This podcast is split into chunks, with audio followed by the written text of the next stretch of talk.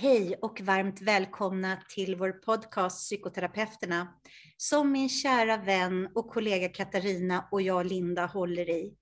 Och idag så har vi den stora glädjen att få bjuda in Eva Rådström till vår podd. Varmt välkommen Eva! Tack Linda och Katarina. Det ska bli jättekul att vara med. Fint. Och Eva, för de som inte har mött dig ännu, kan du berätta lite om dig själv och din bakgrund? Ja, absolut. Ehm, jag har ju alltid jobbat med människor kan man väl säga i, i hela mitt yrkesliv. Så att jag började, jag började min bana för ganska många år sedan. Innan jag eh, gick över till att bli terapeut så jobbade jag faktiskt på socialkontor, som det hette på den tiden i tio år. Mm. Mm. Eh, och det var väl där någonstans som jag liksom la min bana för framtida intressen egentligen. Eh, jag, jag, har ett yrkesliv tidigare som ekonom och då satt jag på socialkontoret i våran huvudkassa och tog emot en del klienter, varav en del av våra klienter var missbrukare. Mm. Så att det var väl där någonstans det började kan man säga. De kom till, till socialkontoret och fick eh, veckovis utbetalda pengar. Eh, och jag såg ju hur de här for illa och sådär så att eh, ja, där la jag väl grunden för mitt intresse. Sen hade jag några år som jag jobbade på bemanningsföretag som ekonom. Men eh, kom tillbaka till det här med att jobba med människor. Eh, och sen så har jag ju då gått efter det, så det här med bemanningsföretagen, så kan man väl säga att jag eh, ville fortsätta banan med att jobba lite mer med människor och läste faktiskt på folkhögskola eh, grunden i alla fall till behandlingsassistent som det hette på den tiden. Nu heter det socialpedagog och lite allt möjligt. Och sen har jag byggt på med olika utbildningar, steg 1-utbildning och alkohol och drogterapeututbildning, en treårig eh, linje och en massa andra kurser. Så det är väl min bakgrund kan man väl säga. Mm. Och idag så jobbar jag med, med, med samsjukliga i Nyköping, alltså psykisk ohälsa och missbruk. Mm ja, en lång och gedigen karriär. Du har jobbat länge inom det här Eva och är ju en legendar också i att jobba med just missbrukare. Och det är också extra roligt att ha dig med. För vi kan ju nämna det att du och jag är gamla kursare från ja. Örebro. Jajamän. Vi gick ut 2009 som KBT-terapeuter och redan då så var du specialiserad och mycket kunnig inom det här med missbruksbehandling. Så jag har aldrig glömt dig Eva, utan du har funnits med mig. Eh, och vi ville verkligen intervjua dig, Katarina och jag. Ja, ja jättekul att få knyta kontakt igen efter så här många år. Det har ju gått en tid emellan. Mm. Så det verkligen roligt. Mm. Ja, välkommen Eva. Hur kom det sig att du började arbeta som just alkohol och drogterapeut? Ja, det var väl lite som jag sa där tidigare med min bakgrund. Att um, jag hade väl ett intresse för att uh, hjälpa just missbrukare. Sen har vi familjen också. Och det är väl inte mm. allt för ovanligt kan jag säga. Nej att eh, på min mans sida så finns det en del som har haft problem med alkohol och droger. Mm. Så att det, det, ligger ofta till grund att det finns någonting sånt, eh, har, har jag märkt eh, när jag träffar mina kollegor och så också. Det finns alltid någon, någonting som knyter ihop säcken och gör att mm. man kanske har ett intresse av att vilja förstå missbruket också lite mera, tror jag. Ja, precis. Så sant, så sant. Mm. Och eh, just det som man brukar prata om också, vara paraprofessionell och ha också e, kännedom och kunskaper också som privatperson parallellt med de här yrkeskunskaperna är ju lysande. Eh, och vad tänker du är viktigt att tänka på vid just behandling av alkoholbrukssyndrom eller beroendesjukdom? Ja, alltså jag tänker lite grann så här att när man börjar en behandling i alla fall så eh, och det är väl det här som man alltid får lära sig och kanske låter lite klyschigt så här men att, att knyta an och ha en allians med klienten är så viktigt. Eh, och allians med klienten menas ju egentligen att sträva mot samma mål. Alltså att vi behandlare och klient vet vad vi ska göra för jobb tillsammans. Och vad, vad är det för mål vi sätter upp tillsammans? Alltså det, att ge det här tid i början i en behandling har jag sett som alltså det är guld värt att mm. få till. Att inte hasta vidare utan, för vi ibland så brukar jag säga ja, det är bra det är bra om, om klienten är med på tåget, men en del står inte ens på perrongen när vi börjar. Mm.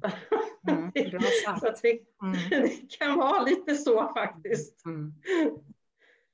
Så det tror jag, det tror jag faktiskt är jätte, jätteviktigt att lägga en bra grund eh, till en behandling. Eh, ja. Och också det vi ser, i alla fall hos oss, så är det genomgående att man jobbar med ångestproblematiken. Mm. De flesta, finns nästan inte någon som inte har ångest med sig i bagaget. Så att det är också en, en viktig del i att ha eh, något program eller no, några verktyg med sig. Så man, för, att, för att de ska stå ut också och inte återfalla. Mm. Jätteviktigt. Mm. Um, du nämnde alliansen och eh, det är vanligt med ångestproblematik eh, bland de du träffar. Finns det några samband som du har, har sett gällande vilka personlighetstyper som, som eh, är speciellt sårbara för att nyttja alkohol och, och eller droger för att bedöva smärta? Ja, alltså det, det jag kan se där så är det ju alltså det finns ju nästan alltid någon form av psykisk ohälsa i botten. Mm. Och personlighetstyperna skulle jag väl snarare då säga att det finns jätte, jättemånga med ADHD-problem, depression, ångest, det vi var inne på tidigare. Alltså egentligen alla sådana här neuropsykiatriska åkommor mm. är ju är faktiskt mer av den, typ, den typen, att det är det som ligger som, som grund för att man också fastnar i, i eh, alkohol och droger. Det vi har sett senare åren också är jätte, jättemycket traumaklienter. Mm. Mm. Alltså det är något som kommer mer och mer och, och framför allt kvinnor faktiskt. Mm kvinnor med trauman i botten är verkligen sådana som, och som dricker hemma i sin ensamhet. Mm. Men de blir mer och mer synliga, de söker mer och mer hjälp nu. Mm. Och ofta kommer de via psykiatrin, i alla fall hos oss. Mm. De är aktuella där redan, men, men där upptäcker man att eh, oj då, här finns det alkoholproblem till exempel i botten. Mm. Och jag kan bara hålla med dig, Eva. Jag jobbar ju numera inom psykiatrin och eh, parallellt med egen mottagning och jag, vi möter det här också. Så att det är verkligen så som du säger. Att, och att många är hjälpsökande och väldigt motiverade för att bli av med det här. Eller hur? Och, verkligen, det var så sant. Det är så sant. Och vad tänker du är viktigt att tänka på som psykoterapeut vid behandling av just den här målgruppen? Du nämnde alliansen där så viktig. Är det någonting annat du tänker? Ja, att, att liksom inte vara rädd för att ta, ta, ta hjälp av ehm, kommunens alkoholbehandlare om det skulle behövas. Så att man får hjälp ifrån både och. Alltså både ifrån psykiatrin och ifrån kommunens behandlare. Så att man kan behandla båda sjukdomarna parallellt med varandra. Mm. Eh, där tror jag är jätte, jätteviktigt och vi, vi startar ju som ett projekt med att, att faktiskt bjuda in psykiatrin i, i våra resursgrupper som vi kallar det för. Vi jobbar jättemycket med det. Vi skapar en resursgrupp kring varje klient och där, där psykiatrin är med. Och vi har haft läkare, psykoterapeuter, vi har haft eh, sjuksköterskor och andra vårdkontakter med där vi bjuder in och gör en gemensam planering, det här som man pratar om att man ska försöka få till i alla år. Mm. Det som inte alltid har funkat. Nej, nej. Men du beskriver verkligen vikten av samverkan och det här tvärvetenskapliga, alla perspektiv. Ja. Och vad bra att du lyfter det, va? för det här behöv, kan man aldrig säga för många gånger. Och vad tänk, eller hur? Det är ju så.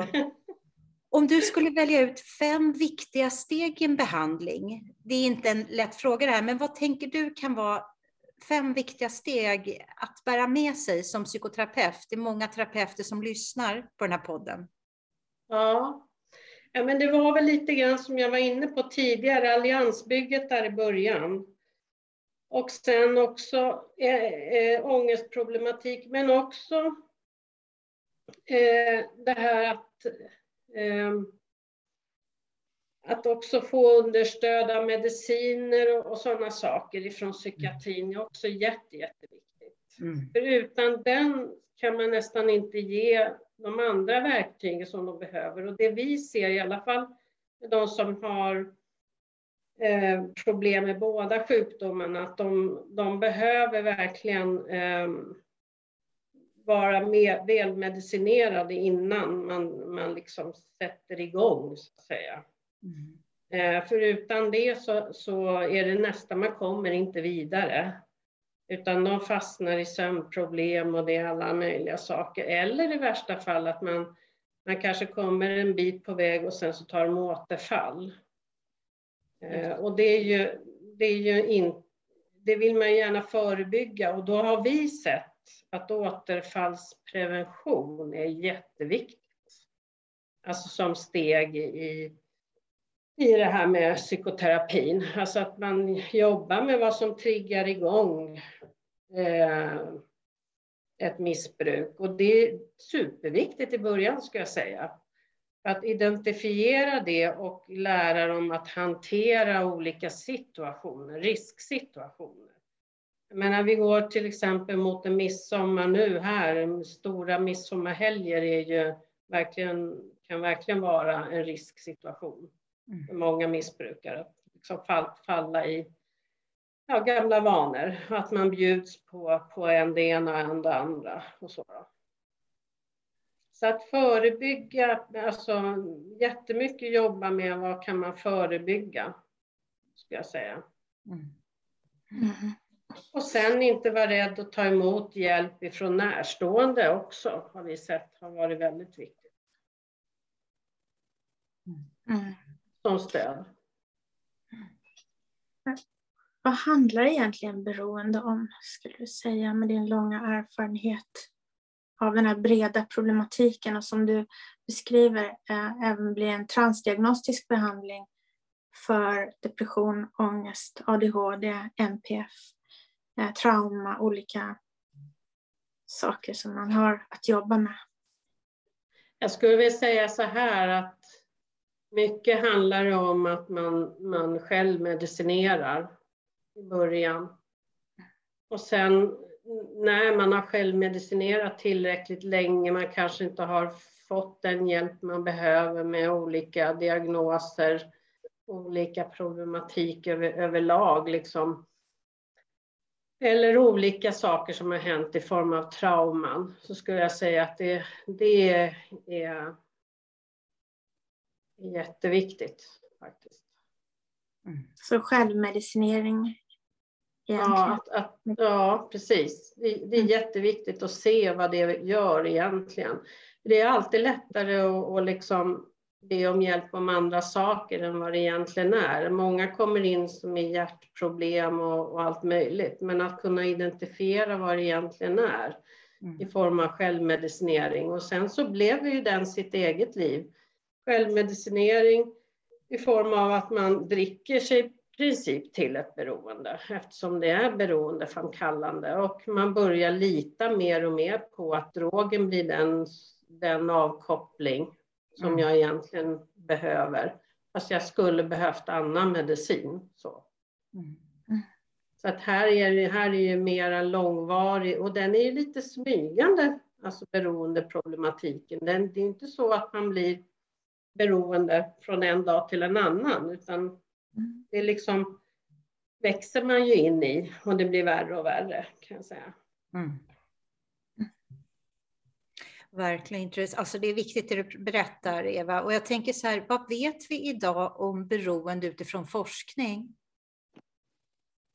Ja, det var lite intressant för att eh, vi fick genom en, en av våra vad heter det, handledare på jobbet så berättade han att det faktiskt finns en, en, eh, en forskning idag på, som är gjord på råttor faktiskt. Mm. Mm. Och där man, där man alltså har hittat en liten grupp nervceller i ett litet område i hjärnan som gör skillnad på om, om klienterna klarar av att stå emot, alltså bromsa på ett normalt sätt eller om man inte lyckas hejda sig. För det är ju det som är grejen att många, inte alla blir ju beroende, inte alla fastnar i det.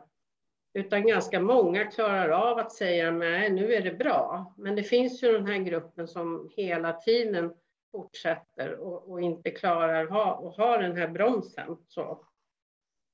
Och, och, det man har sett i studien då, som gjordes på de här råttorna, det var faktiskt att um, Ja, det var också genom en professor i psykiatri, Marcus Heilish hette han, som ledde den här studien. Det är att de här det här området som man har lyckats identifiera sitter i amygdala. Mm. I hjärnan. Mm. Och det här, det här är alltså amygdala, för alla som inte vet det, då, det är ju ett centrum i hjärnan som kontrollerar rädsloreaktioner bland annat och inblandat i inlärning kopplat till rädsla. Mm. Så att det här har man ju på molekylnivå gått ner och hittat att de här personerna då som inte har den här bromsen har de här äh, nervcellerna som, som man har lyckats identifiera som, som äh, är PKCD-positiva nervceller. Heter det. Så det här är liksom, det här behöver man ju forska vidare på, men jätteintressant utifrån att, äh, att kunna ge rätt mediciner framöver. Så att alltså, kan, man, kan man komma in på de spåren, för att när de gjorde med de här råttorna så lyckades ju råttorna då som tidigare inte hade bromsen kunna mm. hantera sen. Och det man gjorde med råttorna, det var ju också, de går ju bara liksom på instinkter, de har ju inget tänkande som vi mänskliga individer har på det viset, utan de de går ju bara på att om jag trycker på en pedal här så får jag alkohol.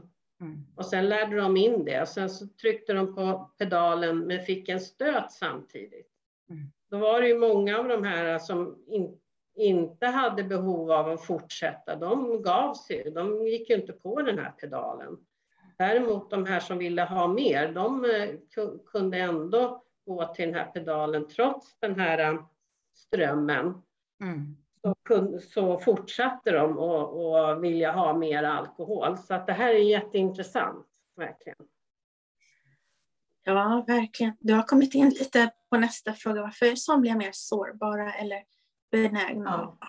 Det är beroende? Och, eh, du har nämnt de här cellerna och att en del har förmågan att stoppa innan det går för långt. Och eh, väldigt intressant helt enkelt. Och eh, kan säkert ta bort en del skuldbeläggande också som kanske mm. eh, kan vara eh, kontraproduktivt i behandling också. Att för patienterna att få förståelsen också. Det ja. låter som edukation också. Precis. Finns det, eh, mer, ja, finns det mer saker som du tänker eh, gör personer mer sårbara för att bli beroende. Du har nämnt eh, många saker också. Som Ja. neuropsykiatri, ångest, depression, självmedicinering. Ja. ja, alltså det finns ju en annan, en annan forskning på eh, lite annorlunda men ändå att beakta varför, alltså våran överläkare där jag jobbade i Södertälje, han gjorde ju också en studie eller forskning på varför vissa människor beteendemässigt inte verkar lära sig. Mm. Alltså verk, verkar inte ta lärdomar på samma sätt som vi andra. Att om jag, får, om jag gör det här så får jag den här konsekvensen som, in, som inte är så bra. Eh, Men en del människor har inte den spärren. Eh, Och det, det här gjorde han, och jag kommer, nu kommer inte jag ihåg så mycket, men, men det han kopplade i alla fall till att det handlade lite om serotoninhalter också. Så att han var inne på olika sådana här, eh, i, alltså vad händer i hjärnan. Så. Mm. Mm. Och att de som också har en aggression har, har en viss benägenhet att ha för låg, alltså föds med för låg serotoninhalt jämfört med normal eh, populationen. Då. Också jätteintressant varför vissa människor liksom inte verkar lära sig av konsekvenserna utan man fortsätter ändå. Mm. Mm. Ja. Väldigt intressant och eh, det här med att eh, man säger ibland att det är ärftligt också. Har du sett sådana faktorer? Det finns ju social inlärning förstås också. PMS-miljön. Mm. Ja, exakt. Eh, ärftligt så tillvida som man ser en viss sårbarhet i form av det som jag har nämnt tidigare. Då. Mm. Eh, verkligen, men inte någon, det finns inte vad man har hittat än i alla fall, finns ingen gen som någon alkoholgen eller något sånt. Utan det är mer en sårbarhet. Det man har sett det är ju om man har nära anhöriga i, i sin familj, en mamma eller pappa eller någonting. Eh, eller en bror eller en, även kanske lite mer avlägsen släkting så har man en benägenhet att ha en sårbarhet. Sen om det är kopplat just till de här sakerna som jag nämnde med nervcellerna och det, det är väl det man, man också behöver mer forskning på. Så att Mm. säga. Mm. Men helt klart så är det ju inlärning och beteende också. Absolut. Ja. Här lyfter du ju väldigt viktiga saker. Det var både det här neurobiologiska perspektiven, men också det här att jag tänker också på alla barn och unga som växer upp. Jag tror det var nationella hälsoenkäten 2020 som berättat att ett av sex barn i Sverige växer upp med en förälder med riskkonsumtion av alkohol. Exakt. Ja. Ja, man brukar säga också Mm. runt liksom varje missbrukare så går det ju minst 20-tal andra Mm. runt om. Mm. Alltså närstående, vänner, eh, jobbkamrater, barn, andra släktingar. Så verkligen Det är en verkligen- anhörigsjukdom också. Ja. Det skriver du. Ja, verkligen. Mm. Ett Ja. väldigt viktigt arbete som du gör och gruppen som du träffar, det påverkar så många. Så det, eh, Ja. Som ringar på vattnet när du... När du Ja. Ja, och det är väl det som är tacksamt också. Vi, vi jobbar ju liksom med eh, inte bara missbrukarna, även anhöriga och sådär. Så att det, det får en ju fortsätta vilja jobba med det. Mm. Man känner ju att man gör en, en skillnad i alla fall. Mm. Så är det. Och det var extra fint att ha dig här Eva, för att jag har ju också faktiskt följt dig nu och vi följer varandra på lite sociala medier och sådär också. Men det är väldigt fint att få höra att du fortsätter med det här och du gör ett fantastiskt jobb, ett viktigt jobb och så, så meningsfullt. Så Ja. varmt tack, verkligen. Ja, stort Ja, tack. tack för din medverkan, Eva.